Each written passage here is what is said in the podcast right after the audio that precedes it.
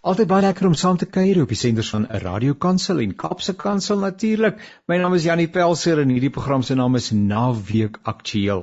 Mens, dom, die jaar vlieg daarom nou met bekwame spoed nie waar nie. Jy kan dit nie oorvertel nie. En net waar jy kom staan die kersbome en dit is versierings, dit is 'n aardigheid.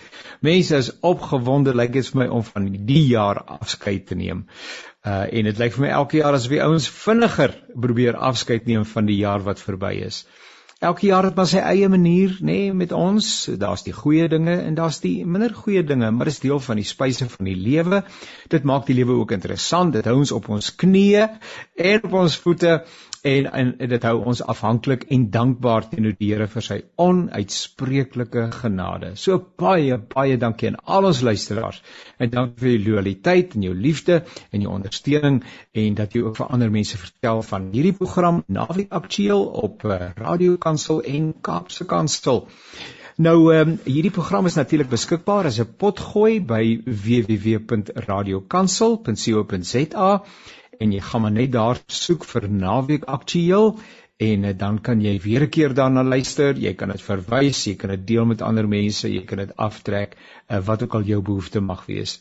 Ek herinner ook aan ons Woensdag aktualiteitsprogram Perspektief waar ons ook bietjie gesels oor die politiek en die ekonomie en aanverwante sake en ewenigs kan jy dit as 'n potgooi weer 'n keer gaan raak luister nadat dit uitgesaai is. So nogmals baie dankie vir die saamkuier en dankie ook aan Zani wat vir ons die tegniese versorging van hierdie program hanteer. Uh, Zani, I really do appreciate you. Thank you my brother. You are a star. Nou Ons gesels uh, ter aanvang met eh, 'n uh, jong man uh, en ons gaan gesels oor die baie interessante rigting waarby hy homself uh, betrokke voel en uh, waarin die Here vir hom gebruik. En dan bietjie later in die program kuier ek saam met uh, Dr. Bram Hanekom en Theo Venter. Theo Venter is onder andere 'n politiek politieke uh, analis of 'n politieke analis uh, onder andere. Bram Hanekom is die direkteur van die Sentrum vir um, uh, nou ja, ek het nou vir die oomblik direkteur vir die Sentrum vir Publieke Getuienis, daar's hy. En ons gaan 'n bietjie gesels oor hoop en wat hoop impliseer in die tyd waarin ons lewe. Maar ek gesels eers met Clifford Sheldon. Hallo Clifford. Hoe gaan dit met jou? Goeiemiddag Janie, altyd goed om met jou te kan praat. Wat 'n voorreg is dit. Nee, dit gaan met my baie goed deur die genade van die Here. Is dit altyd nog 'n voorreg om saam met die luisteraar en saam met u te kan kuier vandag. So ja, dit gaan baie baie goed. Ehm um, dit gaan net elke sekonde al beter met my. Dit is lekker om so positiewe lewens uit uit uitkyk te hê. Nou terwyl van ons luisteraars, u kan nou nie die beeld sien nie, maar ons is uh, via Zoom met mekaar in verbinding en so ek het die voorreg dat ek ook vir Sheldon ag uh, vir vir Clifford, ek weet nie kom al mekaar Sheldon Clifford wil sien maar Sheldon in die oë kan kyk en hy lyk spoggerig hoor, hy blink behoorlik. Seker maar die heerlikheid van die Here wat so uit hom uitstraal en die mooiste mooiste hemp aan met sulke blou blokke, rood ander blokke en verskillende kleure. Hy is sommer baie baie vrolik. Hy lyk soos die lente van self. baie dankie Jannie. en agter hom is daar 'n embleem waarop daar staan 'n transformational coach of iets van daardie aard. Ons gaan 'n bietjie daaroor gesels. Clifford, vertel eers vir ons net bietjie wie is uh Clifford Sheldon asseblief. Ja nee Jannie, baie dankie. Ja nee, ek is al gewoon baie mense sê van my Sheldon. Ek sê nee, dit is reg. Julle kan my maar my van noem want my van is ook 'n naam en ook my naam is ook 'n van. Jy kry die van Clifford en die naam Clifford. ja, so ja, ja, nee, ek is al gewoon. Ek is Clifford Sheldon, gebore in George hier in die pragtige um tuinroete in Suid-Afrika met 'n klein dorpie met die naam van Pakkelsdorp groot geraak in George self. Ehm uh, my ek lewe my ouers lewe, my moeder lewe nog tans. My vader is 'n pastoor, was 'n pastoor asook my moeder. Sy's ook 'n pastoor. Hy het ons nou al 'n paar jaar gelede is na die ewige tuiste toe. Ja, ek is getroud saam met 'n wonderlike vrou, Emerentia Sheldon, vir die afgelope 20 jaar. Ek sê volgende jaar is ons 'n monding viering in ons huwelik en ek sien uit daarna. ja nee, met pragtige dogters en seuns wat die Here uitgespaar het. So ja, ehm um, baie lief vir die Here, baie liever wat ek doen as 'n transformational life coach. Ehm um, hoe die Here my op hierdie pad gebring het was ja, dit was net ehm um, net die hand van die Here wat my in hierdie rigting ingeneem het. Ek het nooit gedink dat dit my rigting sou wees nie, Want toe ons klein was het almal mos maar drome gehad. Ek toe ja. klein was wil ek eintlik 'n treinbestuurder geword het. nou ja, da, ja, daar's altyd nog 'n geleentheid, nê? Nee? ja, sit dit in jou bucket list, hè? Dit word jou van jou bucket list en eendag gaan jy nog 'n trein uh van een punt na 'n ander punt uh gaan jy bestuur. As mens die woord bestuur, ek wonder hoe sê mens loods jy 'n trein of bestuur jy 'n trein? Serieus.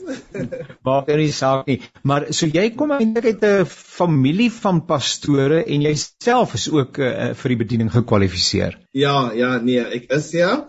Ehm um, tans is ek besig ook ek werk ek is ook by nie werk nog tans nie maar by Hope Church um hier in George. Ehm um, ek ook besig ek ek lei vir hulle die ehm um, gemeenskapkerke tans. Ons het tans 'n gemeenskapkerk wat ons in Wilderness Hoogte het, asook een in Protea Park wat ons nou begin het en ek kan sien die Here is regtig besig met baie groot dinge in hierdie gemeenskappe. Die lig van die Here is regtig besig om in te beweeg en ek is baie ek sien uit daarna vir volgende jaar wanneer ons dit voltyds ingaan in die bediening in saam met Hope Church hier in George uh met my leiers is Paul en Marinet. O, dit is dinamiese leiers en ek is net bevoorreg om sulke leiers soos Paul en Marinet te kan hê in ek en my familie se lewe.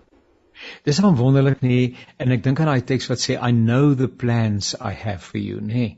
En nou hoe dit daar altyd weer 'n nuwe seisoen, nuwe moontlikhede, nuwe geleenthede is wat die Here in sy groot genade aan ons uh, beskikbaar stel, nê? En ek hoor nou jy sê volgende jaar breek daar weer 'n nuwe fase aan en 'n verdere ontplooi ontplooiing, nê? Uh en ontwaking van die roeping wat die Here in jou hart geplaas het. Amen. ja, dit is so. En vroutjie se hart is saam met jou in die bediening. Is sy ook 'n pastoor? Nee, sy is tans besig om onderwys te, te studeer, baie liewe kinders. Ja. Um, ja. Sy het net 'n aantrekkingskrag van um, vernaam ons fondasie, die foundation phase um, kinders kan net nie sonder haar nie en sy kan ook nie sonder kinders nie. So ja, ja. wat u vandag hier sien is haar gebede in my lewe. Um, hulle sê agter 'n suksesvolle man is altyd 'n sterk of 'n biddende vrou en ek kan die Here net dank dat hy vir Emerensia in my lewe gestuur het wat nooit opgegee het. Ek het ook maar aan die begin van my lewe baie verkeerde besluite gemaak maar ek is vandag geteken hoe die genade van die Here deur 'n biddende vrou en biddende oues, maar spesifiek 'n biddende vrou wat geen verwyte teen my gedra het nie, wat altyd mense het vir haar gesê, "Wat soek jy nog met Clifford? Hoekom laat jy hom gaan nie?" Maar omdat die Here vir haar 'n belofte in ons huwelik gegee het, het sy nie opgehou nie en vandag ja. kan ons net ander huwelike kan ons inspireer deur die pad wat die Here met ons weer gestap het. So ja, nee, ek is baie lief vir haar. wonderlike getuienis en baie dankie ook aan haar dat sy nie opgegee het nie. Die Here gee ook nie met ons op nie en ek is so ja. ontsettend dankbaar daarvoor want ek dink ons is maar almal vir hom 'n redelike uitdaging, nê. Nee. Definitief. Gelukkig maar gelukkig hou God van uitdagings en hy hanteer dit op 'n absolute triomfantelike wyse. Maar Clifford, vertel 'n bietjie vir ons van jou betrokkeheid by transformational coaching. Ehm um, jy sê dis uh, interessant hoe dat jy daarbey betrokke geraak het. Dit is ja nee, dit is baie interessant. Ehm um, soos ek sê, ek is 'n NLP practitioner, 'n neurolinguistic practitioner as ook 'n uh, transformational life coach, 'n lewensafrigter. Ehm um, ja, dit is baie interessant hoe ek by dit uitgekom het van kleins af hou ek van mense motiveer. Ek het voorheen gewerk by Garden Road, dit was daardie tyd Eden District munisipaliteit en daar het hulle my weer gevra om die studente wat klaar gemaak het daar net om hulle bietjie te bemoedig. Maar ja. min weet ek dat die speaker van die raad sit ook in daardie gehoor en ek motiveer hulle en ek ja. En toe ek daar klaar is staan sy op en dit was haar beurt om te praat en sê sê ek het niks om te sê nie. Alles is gedoen. Al wat ek moet weet is hierdie raad moet invest in jou lewe. Jy moet 'n transformation jy is 'n transformational life coach en ons gaan ja. seker maak dat jy daarbey uitkom. En die Here het dit so moontlik vir my gemaak En toe ek uitkom, ek het my kursus in ja in in Pretoria gaan doen. Ek kom ja. daar, ek vra wat gaan hier aan? Almal praat van die universe, the universe, the universe, the law of attraction. Ek vra Here, waar ek kan vandag ek het nog nie van so iets gehoor. ja, Here ja. sê vir my Clifford, dit is spesifiek waar ek jou wil hê. Ek wil jou spesifiek hier sou hê. En ek het so baie dinge geleer as 'n lewensafrigting want ons hooftaak is nie om vir mense raad te gee nie, maar om ja. mense bewus te maak van hulle denkpatroon. Want ja. die grootste probleem um um Janie waarmee die mense deesdae sit is nie finansies nie. Dit is nie um ander tipe dinge nie, maar dit is jou denkpatroon. Baie ja, mense ja. opereer nog in 'n nuwe lewe maar met 'n ou denkpatroon. Dis ek om die woord van die Here ook sê in Efesiërs um word er nuwe word vernuwe deur die ja. deur die hernuwing van julle gedagtes. Be renewed by the change of your mind want die ja. vyand is agter jou gedagtes en ons as lewensafrigter my werk as 'n lewensafrigter is om jou bewus te maak van jou van jou hoe jy tans dink, hoe jy tans jou how you how you currently use your thought patterns, wie dit tans gebruik en dit het 'n ja. baie baie groot effek op jou lewe. So een van ons grootste probleme is is amper soos ek gaan nou Johannesburg toe, maar ek ry met 'n 1990 se GPS in my voertuig Ek staan in 'n pad, ek soek so 'n straat, byvoorbeeld um 'n kerkstraat, maar die naam ja. het byvoorbeeld al lankal verander, verander, maar omdat ja. ek nie met GPS verander het nie, as ek ja. verwar. Ja. En baie keer in ons eie lewens ook wil ons besluite maak maar met 'n ou denkpatroon. Nou as 'n ja. lewensafrigting bring ons daardie bewusmaking in um um hoe jy tans dink, hoekom jy sekere dinge sien en ons gee vir jou die nodige gereedskap om daar uit te beweeg. Ja, en ek ervaar dit uh, dat ehm um, ook wat die teologie betref, uh, ek bedoel die Here het ons nie opgehou om homself aan ons ja. te openbaar nie. Uh en ons sal in 'n leeftyd hom nooit behoorlik leer ken nie. Uh dit sal eers in die hiernamaals wees wat ons 'n beter begrip het van wie hy is, nê. Nee, hy is net uh nadat jy jou definisies almal op die tafel uitgepak het, is hy veel groter en omvangryker is dit.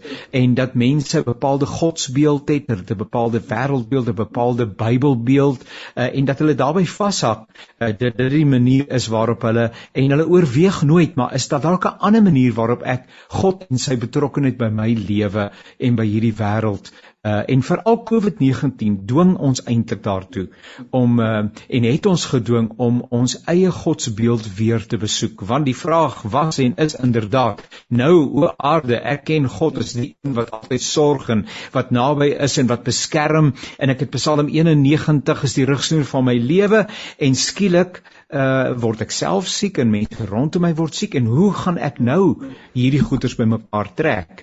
En uh, so ja nee die tydsgebruik waarin ons lewe uh dwing ons daartoe om nie ten vas te dink. Net voordat ons aangaan ons luister ons luisteraars uh u luister na die programme van Radio Kansel en Kaapse Kansel. Die program se naam is uh naweek aktueel. Uh ons gesels oor die werk en uh, die uh die die bepaalde denkpatroon dit waarmee uh, uh, uh, lewensafrigters besig is. In die geval is dit nou Clifford Sheldon uh wat met ons gesels. Hy het groot woorde gebruik neurologiese. Vertel weer van daai mooi benaming asseblief uh, Clifford en wat word daarmee bedoel? Ja nee baie dankie Jannie weet jy baie keer ons hele die Here het ons liggame so pragtig so awesome gemaak. Ons hele ja liggaam, alles baie as ek nou vir iemand vra, "Where, waar is your mind? Where is your mind?" dan gaan ons eers verwys na ons hoof toe, maar die brein is ook maar net 'n orgaan. Um ja. wat sekere dinge vir jou huisves, jou mind, sekere gedeelte, maar as jy byvoorbeeld verlief is, dan voel jy dit in jou mag dan voel dit amper soos wow, jy butterflies. Maar as ja. jy ook bang is, voel jy dieselfde gevoel in jou mag maar dit is maar net byvoorbeeld vir 'n ander geleentheid. So the meaning, die bedoeling wat jy wat jy the meaning you assign to that feeling, na daardie gevoel toe, dieselfde gevoel, maar die bedoeling wat jy daarna um um, um assign, the meaning you assign to it, it it lets you do certain things in life. Same feeling but different meaning. So met ander woorde, jy voel dit dwars deur jou liggaam. So enige besluit wat jy in jou lewe maak, dit het 'n effek op jou al jou selle in jou liggaam elke sel in jou liggaam het dit het 'n invloed op. So dit is baie belangrik om dit te weet. Iets wat baie belangrik is, ehm um, Janie is mense moet besef dat jou jou, jou mind only work in pictures. Jou brein werk net in in prentjies of in patrone. Het jy al ja. uitgevind as jy vir 'n kind sê moenie op die bed spring nie, wat doen daai ja. kind? Die kind spring op die bed. Dan wil ons die kind pak gee. Maar hoekom spring die kind op die bed? Want as ek nou vir jou sê Janie, moenie op die bed spring nie, wat sien jy? Ja, ja. Natuurlik sien jy die en jy sien ek geniet my gate uit, né? Nee. Ja. So, maar ek loop natuurlik die gevaar dat ek 'n paar bene sal breek op hierdie stadium. ja, maar as ek vir 'n kind sê jy slaap op 'n bed en jy spring byvoorbeeld met 'n tou, as die kind die ja. bed sien, die prentjie wat die kind sien is ja. ek slaap op 'n bed en ek spreek. En dit is wat ons as lewensafrigter maak. Ons maak jy bewus ook die manier hoe jy jou woordeskat linguisties, hoe jy jou woordeskat gebruik um hoe jy dit verbally en non-verbally gebruik, jou gevoelens wat jy uitstoot en hoe sekere dinge na jou toe aangetrek word. Iets wat jy gesê het wat baie belangrik is, is hoe ons die Here vorm en hoe ons die Here op sekere stoele sit. En dit neem my terug na die vrou van Samaria toe Jesus by haar aangekom het en sy het gevoel dat hierdie die Samaritane het gevoel dit is waar God aanbid word op die berg en die Jode ja. het gevoel die tempel is gebou in Jerusalem Maar die Here sê Jesus sê God is gees en wie God aanbid moet hom in gees en in waarheid aanbid. So met ander woorde, 'n gees kan nie gesien word nie. 'n Gees neem verskillende vorms in. En iets wat ek baie van nou is van Dr. Wayne Dyer, late Dr. Wayne Dyer. Hy sê you are not a human being having a spiritual experience, but you are a spiritual being having a human experience. And that is so En dit is so, daai is so om dit te kan verstaan dat jy is 'n gees in hierdie liggaam wat in hierdie liggaam geplaas is deur God. Nou as life coaches, as lewensafrigting, maak ons ons bring daardie bewustheid na jou toe en jou oë gaan net oop. Dis baie belangrik ook Janie wat ons vir die mense leer is. As jy 'n probleem het, dan moet jy die, na die probleem kyk. Die probleem sal nie daar bly as jy nie daarom kyk nie. En baie van ons onbewustelik maintain the problem. Is amper soos 'n plantjie. As ek hierdie plantjie gaan water gee en hy gaan net nie groei nie. En baie keer in ons eie lewens onbewustelik met wat ons sê en wat ons doen, ek gaan dit nie maak nie. Ek is hopeloos. Die wêreld is nie vir my nie. Ek is nie goed genoeg nie. Water ons die probleem en die probleem raak al hoe groter en groter. So ons bring daardie bewustheid ook in jou lewe. Nou op die webwerf en ons gaan uh, aan na die einde van die uh, ons gesprek uh, die kontakbesonderhede ook vir mense gee, is daar sprake van ehm um, dat dat mense wat in hierdie bepaalde rigting hulle self uitleef, dit is die roeping wat die Here op jou lewe geplaas het om naamlik uh, hierdie lewensafrigting, lewensbegeleiding te gee. Uh they have certain tools, techniques, focus, wisdom, intent, knowledge to elicit a client's values, goals and beliefs. Nou dis 'n groot mond vol, né? Nee? Ja. Maar so help net vir ons met ander woorde, uh in die eerste plek, watter tipe mens oorweeg om uh, met 'n lewensafrigter 'n uh, pad te loop. Wanneer sê jy ek het nodig om om hierdie ding in my lewe te integreer? Mense, um, Janie, dankie vir die, vir die vraag. Mense wat gewoonlik lewensafrigters na toe kom, is mense wat hulle voel en hulle weet hulle het 'n doel in die lewe, maar hulle sukkel. Hulle lewe gaan in sirkels. Hulle voel daar is iets wat hulle terughou, maar hulle weet nie wat dit is nie. Hulle is elke keer in dieselfde situasie, die situasie het net 'n verskillende vorm en hulle wil begin uitvind, wat is dit wat ons agterhou? Ons het hier begeerte, ons het goals, ons het doelwitte in die lewe, maar ons kan net nie daar uitkom nie. Hulle begin frustreerd raak. So die mense wat na die lewensafrigting toe kom, is mense wat sê ons weet ons wil vorentoe gaan, maar ons weet nie hoe en wat om ja. te gebruik nie. So gee vir ons daardie tools om daarby uit te kom by ons droom en ons doelwit. So nou wag ek by jou op en ek sê, "Sjoe, ehm um, uh Clifford, ek ek het hierdie gevoel dat my lewe aan mekaar in dieselfde rigting draai. Dis net sirkels en sirkels. Ek kry nie rigting nie. Ehm um, hoeveel inspuitings gaan jy my gee? Uh en, en hoeveel inspuitings moet ek kry voordat ek nou gaan rigting kry of hoe verloop hierdie proses nou?" Ja, die eerste een wat ek begin met die proses, elke lewensafrigter het maar sy verskillende maniere hoe dit gedoen ja. word, maar hoe ons geleer word om dit ons begin eers met jou waardes. Ons laat die kliënt eers of die persoon eers uitvind wat is jou waardes, want jou waardes in die lewe dryf jou. Jy kry bewustelike conscious values en jy kry subconscious values. Nou, ons begin en ons vra vir jou byvoorbeeld wat is jou 5 belangrikste dinge in die lewe? of jou 3. Jy noem dit vir ons. Ek hou van God, ek hou van my familie, ek hou van dit. Dit is wat vir my belangrik is. Nou sê ons vir jou die volgende stap is. Jy is byvoorbeeld in 'n kamer. Wat is drie belangrike dinge wat jy daar in jou kamer of in jou gemaksone saam met jou wil hê? Nou skryf dit neer en so neem ons verskillende vrae.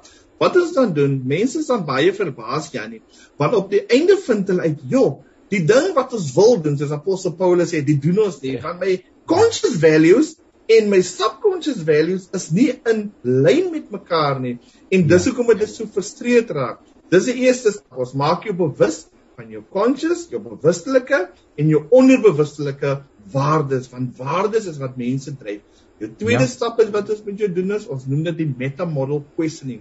Nou die meta model questioning, hy ruk vir jou uit jou uit jou comfort zone. Haal vir jou ja. uit jou gemaksone uit. Byvoorbeeld iets baie vrae is Jy sê byvoorbeeld jy het die probleem. Nou vra ek vir jou, ja nee, wat moet ek doen om dieselfde probleem te hê wat jy het? Wat moet ek doen? Jy sê dit is ja. Nou skrik jy maar, ja, ek het nog nooit daaraan gedink nie.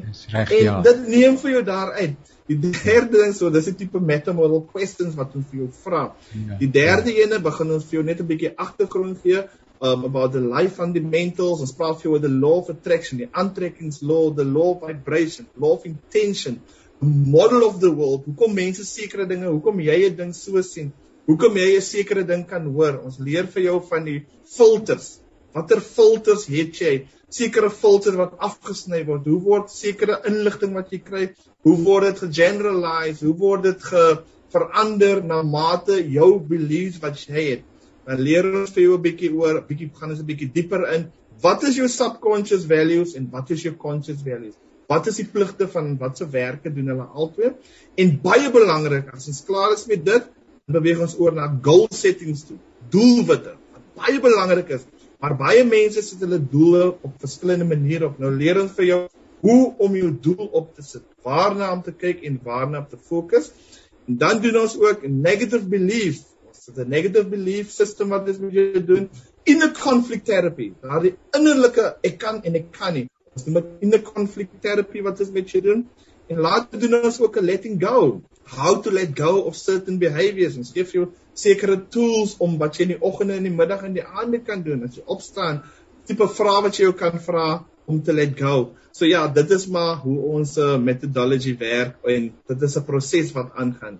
Um, dis ja. sommer 'n hele klomp, dis 'n hele mond vol. Ja. Nou eh, dis ek baie duidelik, dis my duidelik kliffer dat uh, hierdie proses dis nie 'n 30 minute sessie nie. O nee, en, en, dan is ons nou klaar nie. Maar jy moet met ander woorde jouself verbind. Jy you have to commit yourself to a, a long journey, nê? Nee? En jy moet daarin gedissiplineerd wees om die goeders te integreer wat uiteindelik ehm um, is dit nie jy, jy gee vir mense die tools, maar hy is die ou wat dit in sy lewe moet vergestalt. Definitief ja, nee. Ons gaan nie vir jou advies gee nie. Ons gaan nie vir jou sê hoe om dit te doen nie. Ons gaan vir jou die tools gee. Is amper soos jy's 'n rugby speler of jy gaan gym ja. toe, jy gaan na 'n gym toe. Ons gaan vir jou sê dit het jy nodig om daardie spier op te bou. Hoe jy dit dis hoe jy dit moet gebruik, maar hoe jy dit gaan gebruik of hoe baie jy dit gaan gebruik, hang van jouself af. So baie mense gaan vir selfhelp boeke, baie mense gaan verskillende dinge, maar een van die grootste dinge wat baie mense kort kom in die lewe, ons kan al die kennis hê, maar as ons nie daai selfdissipline het nie en daai consistency nie, dan gaan dit nie vir ons werk nie. Nou met life coaching kan jy daardie tools ook hoe om daai selfdissipline en daardie consistency om dit te werk sodat jy jou doelwit kan bereik in die lewe. Nou ehm um, uiteindelik wat as 'n mens dit nou ehm um, uh, hier na ons einde van ons gesprek Clifford as ek dan nou sê 'n transformational coach wat wil ons op die einde bereik? Wanneer die transformation plaasgevind? Transformation het plaasgevind wanneer jy dinge begin anders sien wanneer jou internal world begin verander het wanneer jy laat gaan het van die ou ankers wat vir jou al die jare vashou. Wanneer jy laat gaan het wanneer want daar's baie mense wat byvoorbeeld 30 jaar oud is, maar hulle lewe 15 jaar vir 1 jaar oor en oor. So jy voel jy begin getransformeer voel as jy sien, "Wow, okay, wow." Ah, ek het dit so gesien nie. Jy begin mense aansien, jy begin luister, jy begin mense nie oordeel nie. Jy begin mense aanvaar wie hulle is sonder 'n judgmental. Dit begin wanneer Um, ek het vroeër voordat ek met jou begin het, Janie, kry ek 'n boodskap van iemand nou.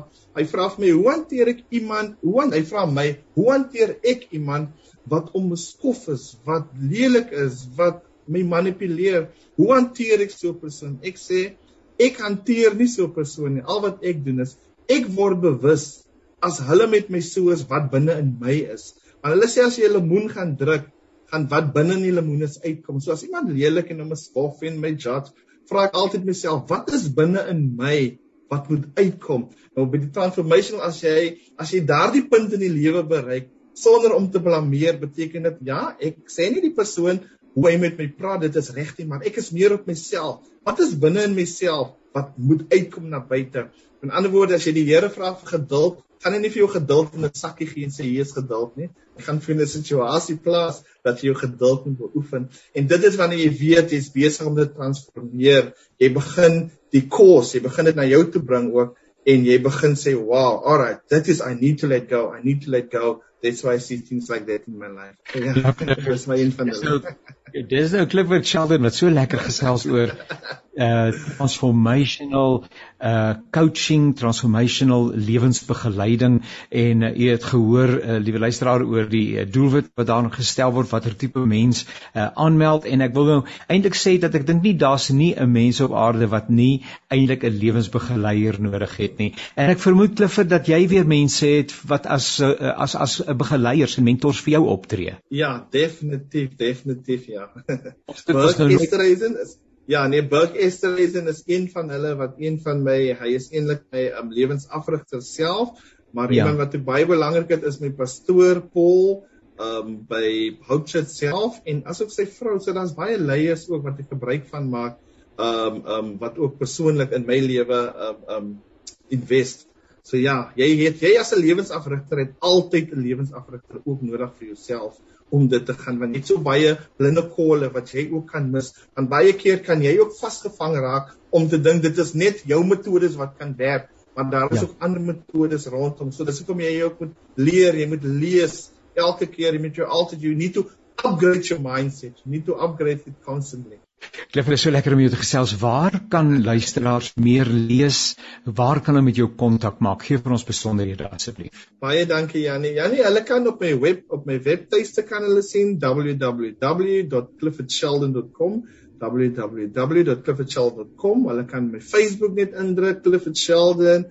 Ehm um, as ek op Instagram Clifford Sheldon, maar ehm um, as hulle my wil skakel, kan hulle my skakel op die volgende nommer ehm um, 076 5198652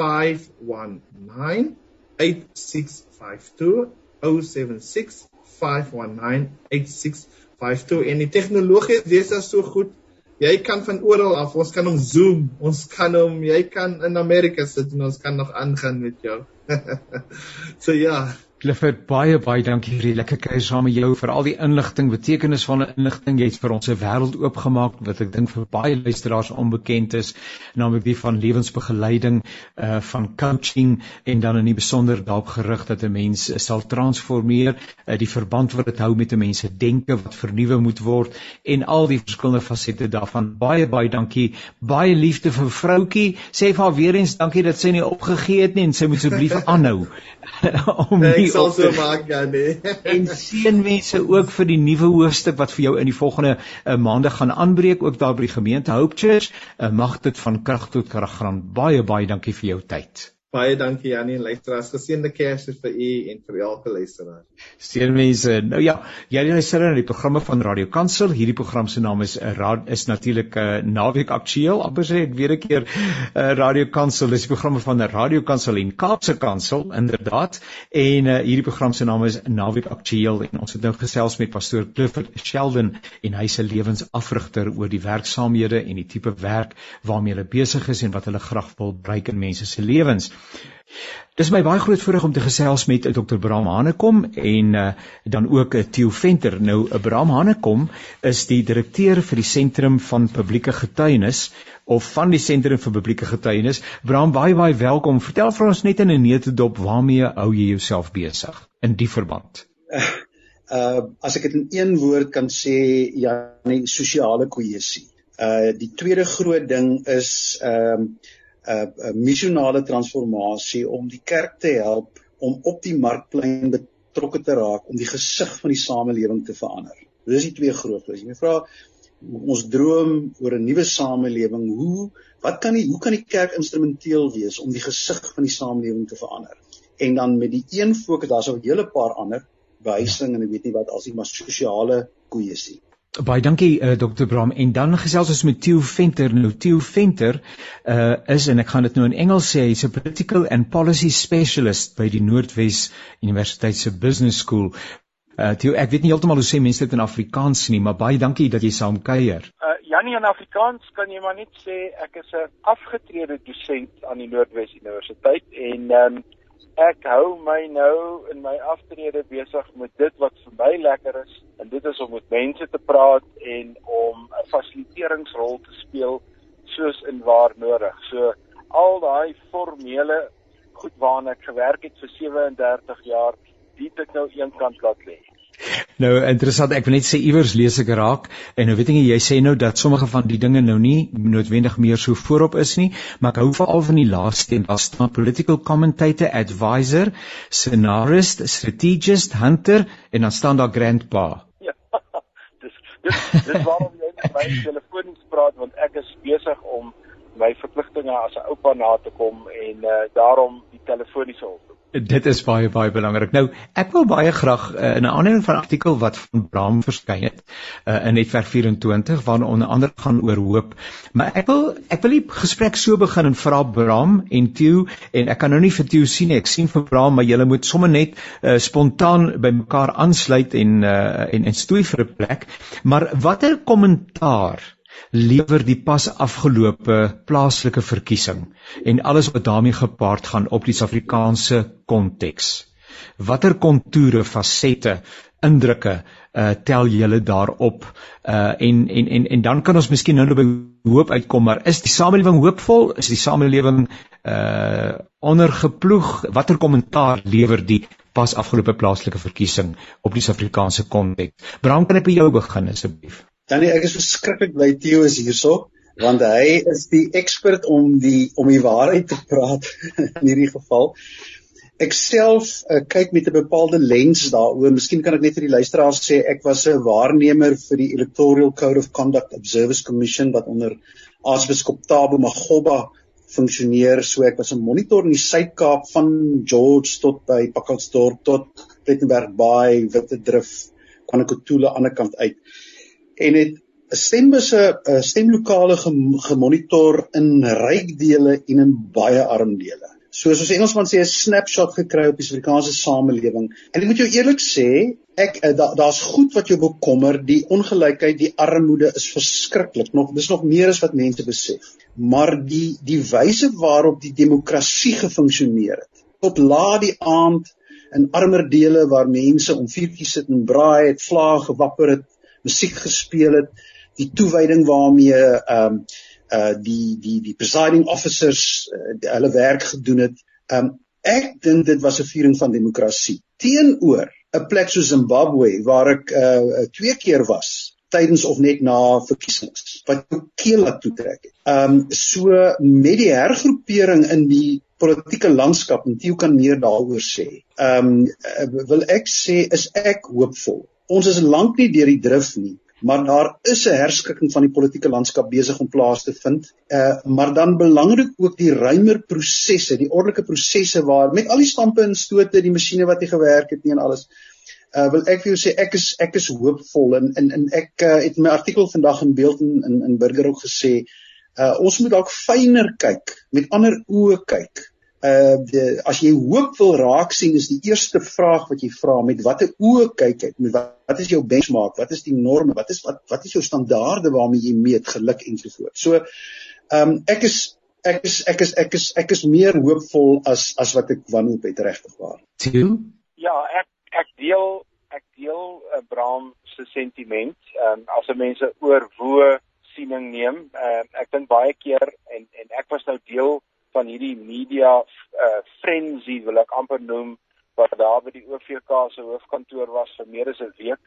Ehm um, joernaliste word geleer om uh, om stukkies nuus uit te sniffel en dan en wil ek amper sê buite kontekstueel die goeters ehm um, te hanteer. Ons vat nou net byvoorbeeld wat jy genoem het die die die die die stembestuurs uh, masjienkies wat nou nie ingestel is. Daar was 40000 van hulle reg oor die land. 'n Paar het probleme gegee. Nou, nou is die vraag wat mens natuurlik nou sal gaan jy die paar wat probleme gegee het uitlig of gaan jy ja. die oorgrootste meerderheid wat gewerk het, gaan jy daarop fokus. Dit is 'n dis 'n dis 'n ingesteldheid wat 'n mens ook moet doen in my rol daar omdat ek nie 'n joernalis is nie. Ehm um, was om die oorwoe perspektief te gee en ons het ons het vreeslike lekker gesprekke daaroor gehad en die ding waar ek wil begin en dis een van die probleme wat ons nog nie opgelos het in die land nie. En dit is voor 1994 was die wyse waarop mense met die owerheid gekommunikeer het, was geweld. Ehm um, as ja. ons nie van hou van wat julle doen nie, dan brand ons skool of ons doen 'n optog of ons doen dit en ons doen dat. Dit het gewerk want in baie opsigte het die regering geluister. En 'n tweede um, stukkie politieke kultuur wat ons opgebou het in daai jare was die veto stem.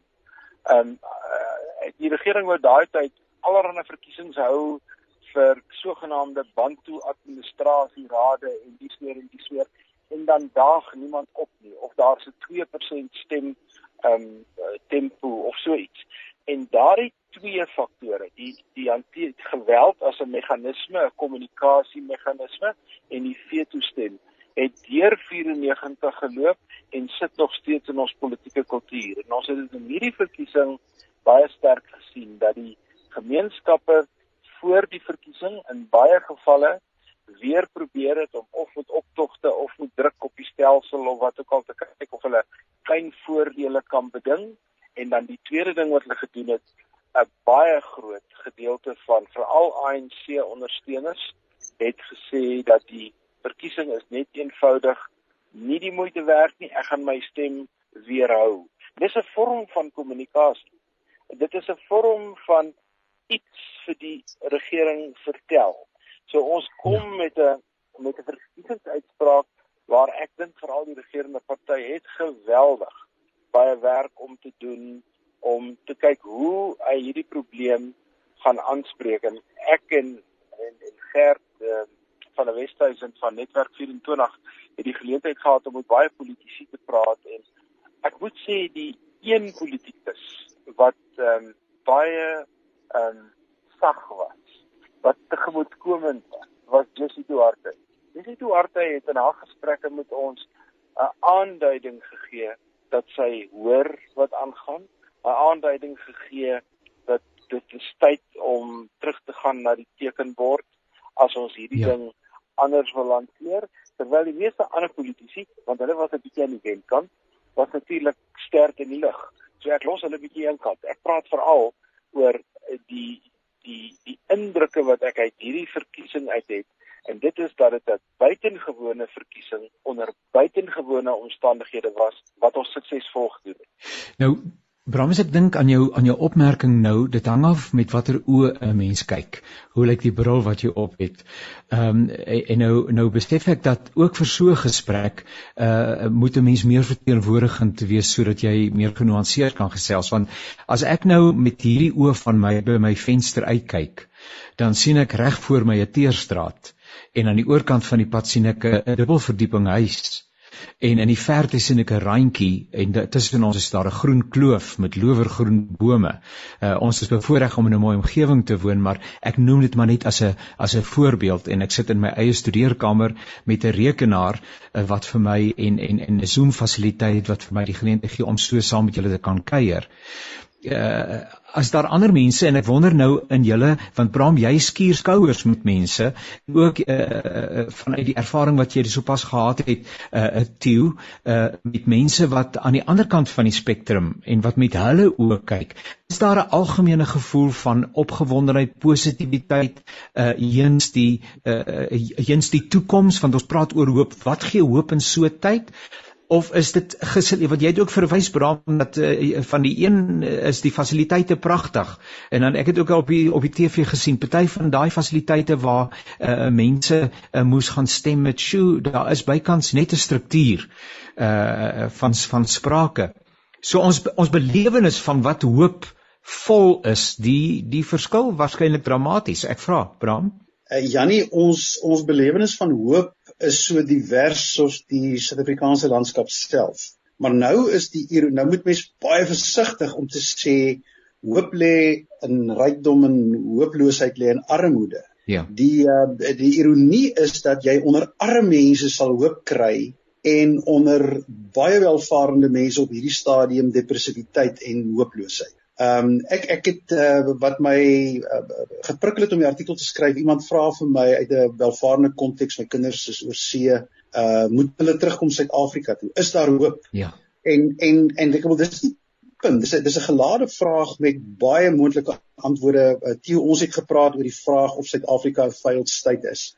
Ja. Dit gaan alles oor jou definisie van geluk. Jou gedef, wat is wat is wat is jou definisie van 'n failed state? Wat is jou hoe sien jy die samelewing? En en jy gaan nie twee mense kry wat vir jou dieselfde antwoord gaan gee nie. So so daar is 'n um, 'n 'n magte om antwoorde. Ek kan nie anders om van waar ek werk uh is om vanuit die evangelie daarna te kyk met dinge soos roeping soos wat is genoeg? Wat is soberheid? Ons is nou midde in Kop 26. Ja. Die aarde is in 'n gemors. Ja. En al wat ons sê, nee nee nee, maar die welvaart is te min, die welvaart net baie meer hê dat die al 60 miljoen mense in Suid-Afrika in BMW's kan rondry. Ek wil is gekkigheid. So daar's baie baie moeilike vrae wat ons mekaar in die, in die, in die, in die oë sal kyk. As ons dit alles as as ons kyk deur die lens van die evangelie en ons sien wat die evangelie vir ons sê wat 'n mens het om genodig het om gelukkig te wees en jy kyk deur daardie lens het Suid-Afrika nog steeds oorvloed in terme van die potensiaal vir mense om gelukkig te wees. Ehm um, en ek kan dit nie sterk genoeg beklemtoon nie. Ehm um, ek sou ek maar maar ek is ek is ek gaan nou uh, doen wat my vrou altyd sê ek moenie doen nie die die, die omroeper vra 'n vraag en dan gaan ek op 'n ander spoor Ek wil eers hier stop met jou vraag en ek wil amper 'n ja. vraag met Tieu se kant toe gooi. Ehm um, daar's 'n ding wat ehm um, ek sê die, die politiek in die kerk is baie dieselfde as jy met Covid of met wat ook al 'n klomp mense verloor en jy verander, kan jy as jy goed doen 50% terugkry, maar jy kan nie al terugkry nie. Ek dink die kerk verstaan dit. As jy droog gemaak het, jy kan weer 'n klomp terugkry. Ek wonder baie oor die ANC. Die ANC weet hulle droog gemaak. Hulle sal moet hulle sal moet goed. Ek is nie seker of die kapasiteit in die ANC sit om te doen wat moet gebeur om die volle 100% terug te kry nie. Ek sal baie graag by Tieu hoor wat hoe hy daaroor dink. Tieu kan ek ook uh, net sê net net ja? terwyl voor ek Tieu net vir die antwoord. Uh, ek ek kon ook net sê net net om terug te kom met my vraag en my uh, en, en Bram se opmerking oor die oog en die bril waarmee jy kyk. Uh, Bram sit ook in die Wes-Kaap uh dit het ek bedoel dit het ek was al gehoor dat mense sê maar dit is 'n ander konteks as wat ons byvoorbeeld in Noordwes belewe. Ehm um, in plaaslike gemeenskappe, klein gemeenskappe, so dit het ook 'n bepaalde invloed, maar asseblief u uh help vir ons. Goed. Ehm um, kyk die metafoor wat ek gebruik het toe ek met Jessie Duarte gepraat het omdat ek Brahms se se versigtige ehm um, skeptiese ingesteldheid deel ek het vir haar gesê, Jessie, kom ek praat met jou. Julle wil nou, julle het nou 'n klomp mense verloor en julle het 'n klomp mense gekry wat gesê het ek is 'n loyale ANC lid, maar ek kan nie meer vir die ANC stem soos hy nou lyk nie, maar ek gaan ook nie my stem vir iemand anders gee nie. So ek bly in my hart nog loyaal, maar ehm um, ek weerhou my stem tot julle ietsie beters doen. Dis die boodskap wat hulle gekry het. En ek het toe vir Jessie Duarte die metafoor gebruik van hierdie ehm um, hierdie super tube wat die kinders op ry by die by die ja. by by Hartenbos en die plekke waar jy nou bo inklim en dan gaan jy nou met die water af onder toe. En ehm um, my indruk, my kinders het nou alself daar op gehad, maar my indruk is as jy bo in, nie onder uit. Jy kan nie halfpad uitklip nie. Hierdie ding vat ja. vat jou in 'n rigting. Nou die ANC my my woorde aan haar was ek dink julle is op 'n glybaan en ehm um, sy het vir my gesê nee ons dink nie ons is op 'n glybaan nie dit nog goed. As jy nou in die koöperatiewe wêreld was dan het jy gesê jy wil nou transformeer of jy wil re-engineer of jy wil ehm um, uh, daar's baie woorde vir presies dieselfde proses. Jy wil omvangryk verander. As jy dit wil doen jy twee goed nodig en nou gebruik ek dan maar koöperatiewe taal maar mens kan ook Bybelse taal baie goed daarin gebruik en dit is jy het in die eerste plek visie nodig. Jy het nodig om te weet waartoe jy gaan en dit word gewoonlik deur jou leiers gekommunikeer en hulle moet dit aanhoudend doen. Hulle kan nooit ophou nie om vir mense te wys waar gaan ons die vlag op die koppie inplant waarheen ons wil gaan want mense ja. is geneig om rond te kyk en dan raak hulle belangeloos. So jy moet dit doen. Goeie leierskap is dus 'n noodsaaklike voorvereiste vir verandering. Tweede ding wat jy nodig het is dissipline. Want mense raak vermoeid. Hulle raak uh, verdwaal. Hulle wil nie meer nie. Mense mense wil nie verander nie tensy hulle kan sien dat die verandering vir hulle ten goede is. En dis steker vir my vreemd dat leiers dit nie kan raak sien dat jy dit behoorlik kan kommunikeer nie. So die ANC dink ek sit in 'n dilemma van wie die faksies binne in die party. Is dit baie moeilik om die dissipline te handhaaf en dit is baie moeilik om een sentrale boodskap vir die party te gee oor wat ons gaan doen. So vir my is die is die jury oor of die ANC dit kan doen is nog is nog uit. Hulle het nog glad nie bymekaar gekom nie, maar ek dink ons gaan sien dat die ANC in 2024 wanneer ons uit die volgende verkiesing het, miskien moet ek net twee datums noem en dan sal ek uit die, die politieke deel afhandel. 2022 Desember maand, nou 'n jaar van nou af, moet die ANC 'n nasionale verkiesing hou en dan dan moet dit die nuwe leierskap van die ANC kies. En dit is dan die geleentheid waar Cyril Ramaphosa 'n tweede termyn as ANC president kan kry as hy suksesvol is. Die volgende belangrike datum is 2024 wanneer ons in Mei maand 'n uh, algemene verkiesing gaan hou en ek is seker ons gaan COVID onder die knie hê op daai stadium so ons hoef nie te bekommerd te wees oor die datum dat ons weer op 'n maandag 'n verkiesing gaan hou. Maar die vraag is die ANC permanent op hierdie glybaan af onder toe of kan hy vir homself uit hierdie ehm um, glybaan uitkry en weer optel bo 50? Die voordeel ehm um, vir die ANC as hy homself kan optel is hy behou sy posisie. Die voordeel vir die ander groepe wat nou sterk in die lig was soos ek gepraat het, hulle sien 'n groter geleentheid om 'n groter aandeel aan die politiek te hê wat hulle tot nou toe moedeloos gehad het want al werk jy hoe hard die dominante party is elke keer aan die wen. Nou, een van die goed van 'n dominante party en ek het al dikwels daaroor gepraat en ek kry die indruk dat my mede-kollegas in die veld waarin ek is so nie genoeg aandag aan die konsep gee nie. 'n Dominante party of dit nou die ANC is en of dit die nasionale party van die ou dae was en of dit die nasionale party in Swede is en of dit die demokratiese party in in Florida is. Daar's baie voorbeelde van ja. politieke partye wat altyd wen in 'n bepaalde landstreek of provinsie. Die eerste ding ja. wat hulle ontwikkel is 'n soort arrogansie, 'n soort gev interne gevoel van ons is onoorwinbaar. En uit daai gevoel ontstaan daar gewoonlik die swakhede van die party. Ek het 'n idee die ANC is op daai mespunt op die oomblik waar hy gaan diep interne besluite moet neem as hy uit hierdie glybaan wil uit. Maar soos wat ek dit op die oomblik sien, is hy in die glybaan hy's glad en hy's af onder toe. Nou kom ons kom dan terug uh, en en baie dankie Theo. Uh ten slotte uh terwyl dit daarvan dat ek besef dat Bram ook afsprake het en homself uh 'n reis het om te voltooi. Kom ons kom dan terug by die vraagstelling: moet my kinders terugkom Suid-Afrika toe? En dan wil ek aansluit 'n lyntjie en vir jou vra uh Bram om vir ons dan nou uh op 'n manier 'n antwoord te formuleer wat vir mense iets gee om mee te werk. Jy sê die hoop lê nie altyd in groot wonderwerke op, opgesluit nie, maar in eenvoudige gebeure om ons.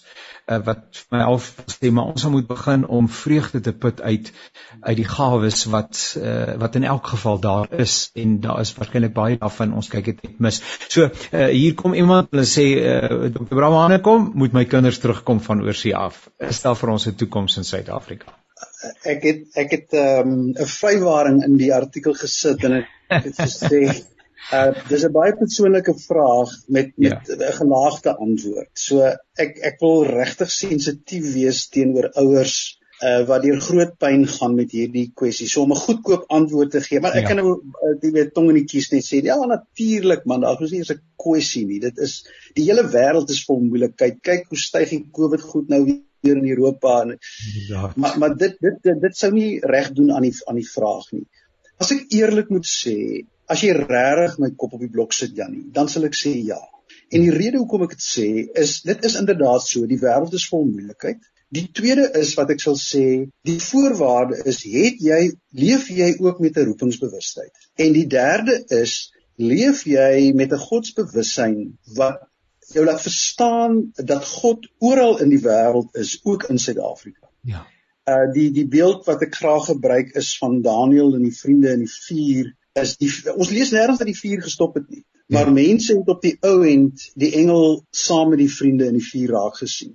En en miskien is dit dood eenvoudige geval dat ons die engele rondom ons moet begin raak sien. En in my werk is ek letterlik bewus daagliks van duisende en dan dan oordryf ek nou nie of dit nou die Weskaap en of dit nou die noorde van die land is. Duisende inisiatiewe van wat ek in aanhalingstekens wil sê engele wat nie opgegee het nie en die vesels van die land aan mekaar hou ongeag die politieke party ehm um, uh, wat aanbewind is. Ek terloops ek het hulle in Zimbabwe en Harare ook raak geloop maar maar ongeag So ehm um, en dan moet ons daarom ook billikheidshalwe net ja rondom ons sê ja, die misdaad en en die geweld is sleg en en ehm um, sien ons gaan môre aand spesifiek moet ons daaroor verder ook uh, praat. Maar maar wat ek wel wil sê is uh so daar is realiteite. Maar Vader ons ons bly jy het so pas verwys na die mooi land en die mooi omgewing en die klowe en die berge en dan kan ek byvoeg die parke en die oseane ehm um, die uh, diversiteit van ons land dit is ook deel van die werklikheid dit dit is ook hoekom Duitsers en buitelanders uh, hulle kon nie wag vir Covid nie. Hulle is terug in die land. Ek het hulle raakgeloop nou in die Suid-Kaap. Daai Duitsers stroom terug. Hulle kan nie wag om terug in Suid-Afrika te kom so ons dit is ook deel van die land. En dit is hoekom ek sê dat ons met volronde oë kyk ehm um, en as mense dan moedeloos van hoopig seer is onder geweld gebuk gaan dan moet ons mekaar se hande vat en en en die engele van mekaar wees om om deur die vuur te kom. Maar ja, ek het altyd hoop ehm um, uh verseker. Dit is Dr. Bram Hanekom Sentrum vir Publieke Getuienis, hy is die direkteur daar en uh, baie baie dankie vir u deelname. Uh Theo is Bram bietjie idealisties so vanuit uh, jou vertrekpunt. Uh hoe sluit jy daarbey aan moet die kinders terugkom? Ja, en ek praat uit persoonlike ervaring ook. Ek het ook 'n seun wat in uh, Australië sit en um, ons is um, ons is gedurig met hom in gesprek. Ek moet dan net hierdie positiewe ding bysit. Ek het twee seuns. Een is in Potchefstroom en een is in Australië en jy sal nie glo nie. Ons weet meer wat in die kinders se lewe in Australië aangaan as die kinders 1,8 km van my huis af. En dit is vreemd ja. wat die digitale wêreld aan ons doen. Maar ek dink selfs so en ek dink Bram het die het die het die belangrikste punt genoem en dit is jou ingesteldheid. Ehm um, ek het 'n dogter wat in Ficksburg in die hospitaal werk sy is 'n dieetkundige en uh, ek het al vir haar aangemoedig om miskien elders te gaan neskop. Maar die feit dat sy 'n uh, AIDS kliniek het wat sy bestuur, die feit dat sy voel sy maak 'n bydrae tot die land maak dat sy net daar wil bly. So 'n mens se ingesteldheid en hoe jy hierdie dinge sien rondom jou, dink ek is bepalend vir hoe mense hierdie goed sien en 'n uh, 'n godsdienstige ingesteldheid en 'n en 'n roepingsbewustheid. Dit is die eerste keer dat ek die woord gebruik sedert ek uh, klaar gestudeer het op Potch 37 jaar terug want toe ek gevoel ek word oordonder met roepingsbewustheid maar ek dink die woord het nou weer betekenis gekry. Dit is die venter en ek gaan om dan maar eh, so voorstel as 'n politieke politieke analis onder andere 'n hele klomp ander dinge ook daarmee saam en dan natuurlik baie belangrik 'n uh, 'n oupa. Nietemin baie dankie kollegas vir julle saamkuier. Uh, ek waardeer dit opreg. Mag jy 'n wonderlike dag hê en uh, ek hoor dat u aanstonds weer kuier om hierdie dinge verder te bespreek. Mag jy ook daardie leiding uh, van die Heilige Gees ervaar. daarmee uh, luisteraars baie baie dankie vir julle betrokkenheid by die programme van Radio Kansel en Kaapse Kansel. Dit was lekker om saam met te kuier. Onthou jy kan hierdie program weer 'n keer luister by www.radiokansel.co.za. Gaan soek vir die potgooi en uh, daar sal jy sien 'n naweek aktueel. Abraham sien ek 'n hand jy net kwaai sê. O jy waai nê. Ek sê net uh, mooi bly groete aan al die luisteraars altyd te voorreg om saam met julle te wees. Baie dankie dokter Bram. Dankie broer Tieu. Dieselfde van my kant af. Totsiens. Totsiens julle. Totsiens.